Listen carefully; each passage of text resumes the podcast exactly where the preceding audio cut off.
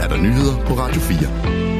Rusland bærer en stor del af ansvaret for den russiske oppositionspolitiker Alexei Navalny's død, så den lyder det fra politikere i flere lande, efter at den 47-årige fængslede Navalny er blevet meldt død i fængslet. Letlands præsident Edgar Skrinkevich skriver på det sociale medie X, at den russiske oppositionspolitiker Navalny er blevet brutalt myrdet af Kreml. Det er en kendskærning, og det er noget, man bør vide om den sande natur af Ruslands nuværende regime, skriver Edgar Skrinkevich og kondolerer Navalny's pårørende.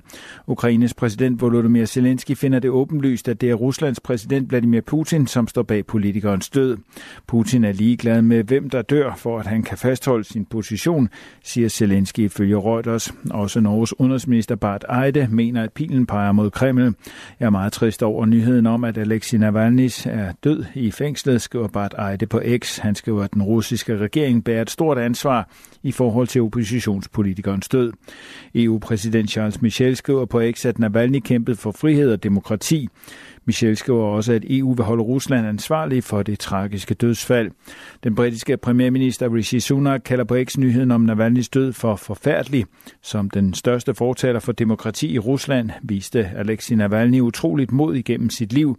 Mine tanker går til hans kone og det russiske folk, for hvem dette er en stor tragedie, skriver Sunak. Generalsekretæren i Forsvarsalliancen NATO, Jens Stoltenberg, siger, at han er dybt berørt og rystet over nyheden. Vi skal have alle facts på bordet, og Rusland må svare på alle spørgsmål om omstændighederne bag hans død, siger han ifølge Reuters. Når statsminister Mette Frederiksen i dag ankommer til den årlige sikkerhedskonference i München, er det med et budskab om, at Europa skal stramme sig an og løfte ambitionsniveauet i sikkerhedspolitikken. Europa skulle kunne løfte opgaven med at forsvare sig selv. Vi må ikke være naive, det er nu, det gælder. Der skal et stort løft til for at bistå Ukraine igennem krigen og for at sikre, at Europa kan forsvare sig selv mod et uforudsigeligt og aggressivt Rusland, siger Frederiksen i en pressemeddelelse. Statsministeren skal i den sydtyske by deltage i paneldebatter og mødes med Ukraines præsident Volodymyr Zelensky, Iraks premierminister Al-Thani og USA's tidligere udenrigsminister Hillary Clinton. Spørgsmålet om Europas ansvar for egen sikkerhed er en linje, som statsministeren slog mere tydeligt an i sin nytårstale, da hun også var inde på, hvad der måske sker, når amerikanerne senere på året vælger præsident. Uanset hvad der måtte ske ved præsidentvalget den 5. november, skal Europa kunne mere, lød det. Og disse meldinger er aktualiseret af den tidligere præsident Donald Trump, som går efter et comeback i denne måned har sået kraftig tvivl om USA's vilje til at forsvare NATO-allierede, hvis de ikke lever op til budgetkrav. Hvis man ejer en ladcykel fra Babu, er der intet andet at gøre end at afvente situationen. Ens rettigheder afhænger nemlig af, hvad myndighederne finder frem til. Sådan lyder det fra Jakob Stenstrup, der er seniorjurist i Forbrugerrådet Tænk. Meldingen kommer efter, at ladcykelproducenten Babu i går midlertidigt stoppede salget af alle sine ladcykler i Danmark med øjeblikkelig virkning. Det skete på grund af potentielle problemer med sikkerheden.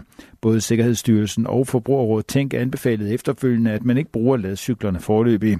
På sin hjemmeside skriver Sikkerhedsstyrelsen også, at man er i gang med at indhente oplysninger fra Babu for at lave en vurdering. Hvis Sikkerhedsstyrelsen vurderer, at ladcyklerne har sikkerhedsmæssige problemer og skal tilbagekaldes, så har man en række rettigheder, der i virkeligheden svarer til dem, man har, hvis der er noget galt med ens cykel, siger Jakob Stenstrup. Det vil sige, at fejlen skal udbedres, hvis den kan, og ellers har man krav på en ombytning, eller i sidste ende at få pengene tilbage.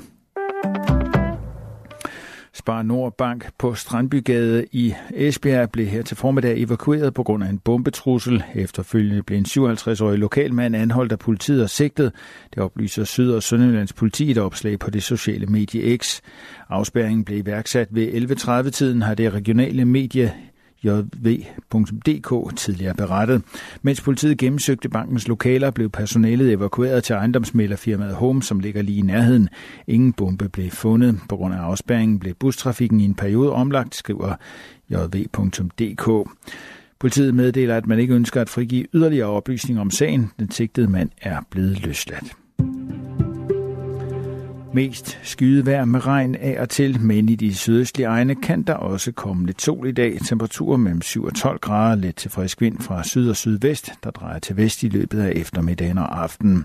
I nat efterhånden mest tørt vejr, men fortsat skyde. Nattetemperaturer ned mellem 2 og 7 grader. Det var nyhederne på Radio 4. De blev læst og redigeret af Thomas Sand. Der er flere nyheder, når klokken bliver 15.